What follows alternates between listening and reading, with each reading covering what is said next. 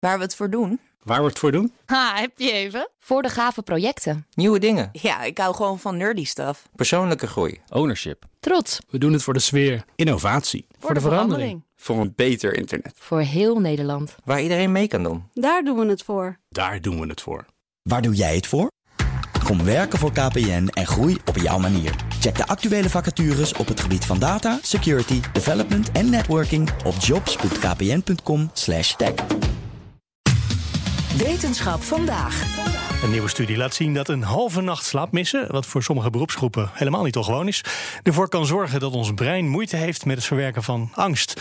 Carlijn Meinders, dat klinkt helemaal niet gezond. Nee, uh, slaap is essentieel voor het opslaan en verwerken van herinneringen. En een slaaptekort, weten we, beïnvloedt ons leervermogen en geheugen.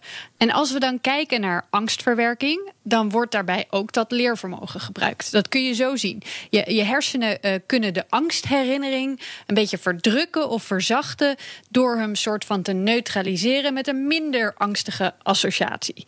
En wat wilde onderzoeker Edward P. Schott van Harvard Medical School en zijn collega's nou weten? Kan een slaaptekort dat verwerken van angstherinneringen ook verstoren? We had three different groups. They were screened for being generally healthy and not having sleep disorders and being psychologically and physically healthy. And then they came to the sleep lab and had a night of, of sleep uh, recording. And then the following evening, they had either complete sleep deprivation, in other words, they're kept awake in the lab all night, or they had partial sleep deprivation, and the third group slept normally.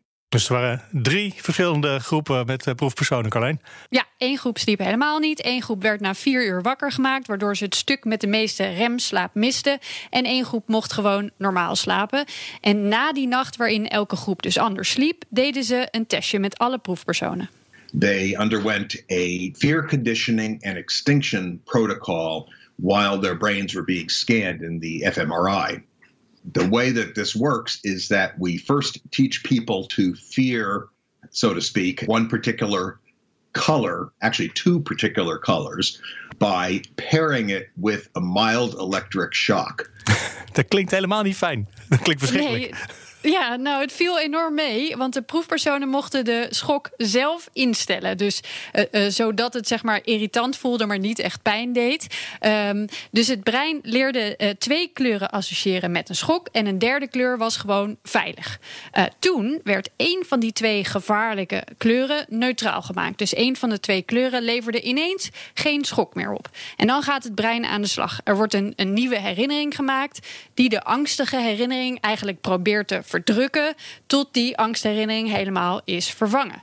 En dit deel van het experiment herhaalden ze in de avond nog een keer om te kijken wat heeft het brein nou geleerd. En wat zagen ze dan? Ze keken tijdens deze twee testen naar hersenactiviteit in de hersengebieden die worden geassocieerd met angst en angstcontrole. What we found was that the people who had only half a night's sleep seemed to activate more of the fear related areas throughout that protocol. Dus ze waren gewoon angstiger. Ja, deze groep proefpersonen die een halve nacht slaap hadden gehad, reageerden heftiger op de angstprikkel en konden die angst slechter onder controle houden als het gevaar eenmaal geweken was. En de groep zonder slaaptekort kon duidelijk die angst beter afleren. En de groep die helemaal niet sliep? Die had een soort uh, vertraagde reactie die pas in het tweede experiment aan het einde van die dag te zien was. En die leek eigenlijk nog het meest op de groep die gewoon goed had geslapen.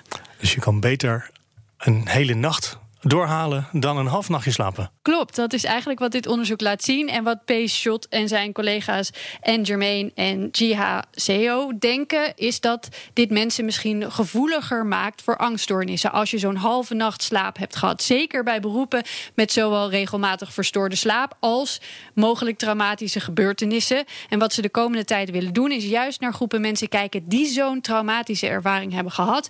en bij hun dan een vergelijkbaar experiment doen om het mechanisme nog beter te begrijpen. Carlijn, dankjewel. Ook Liesbeth Staats vind je in de BNR-app. Ja, heel handig. Luister live naar Kees en mij tijdens de Daily Move. Dan blijf je ook gelijk op de hoogte van breaking news en het laatste zakelijke nieuws. En daar vind je ook alle BNR-podcasts, waaronder de Perestroikast. Download nu de gratis BNR-app en blijf scherp.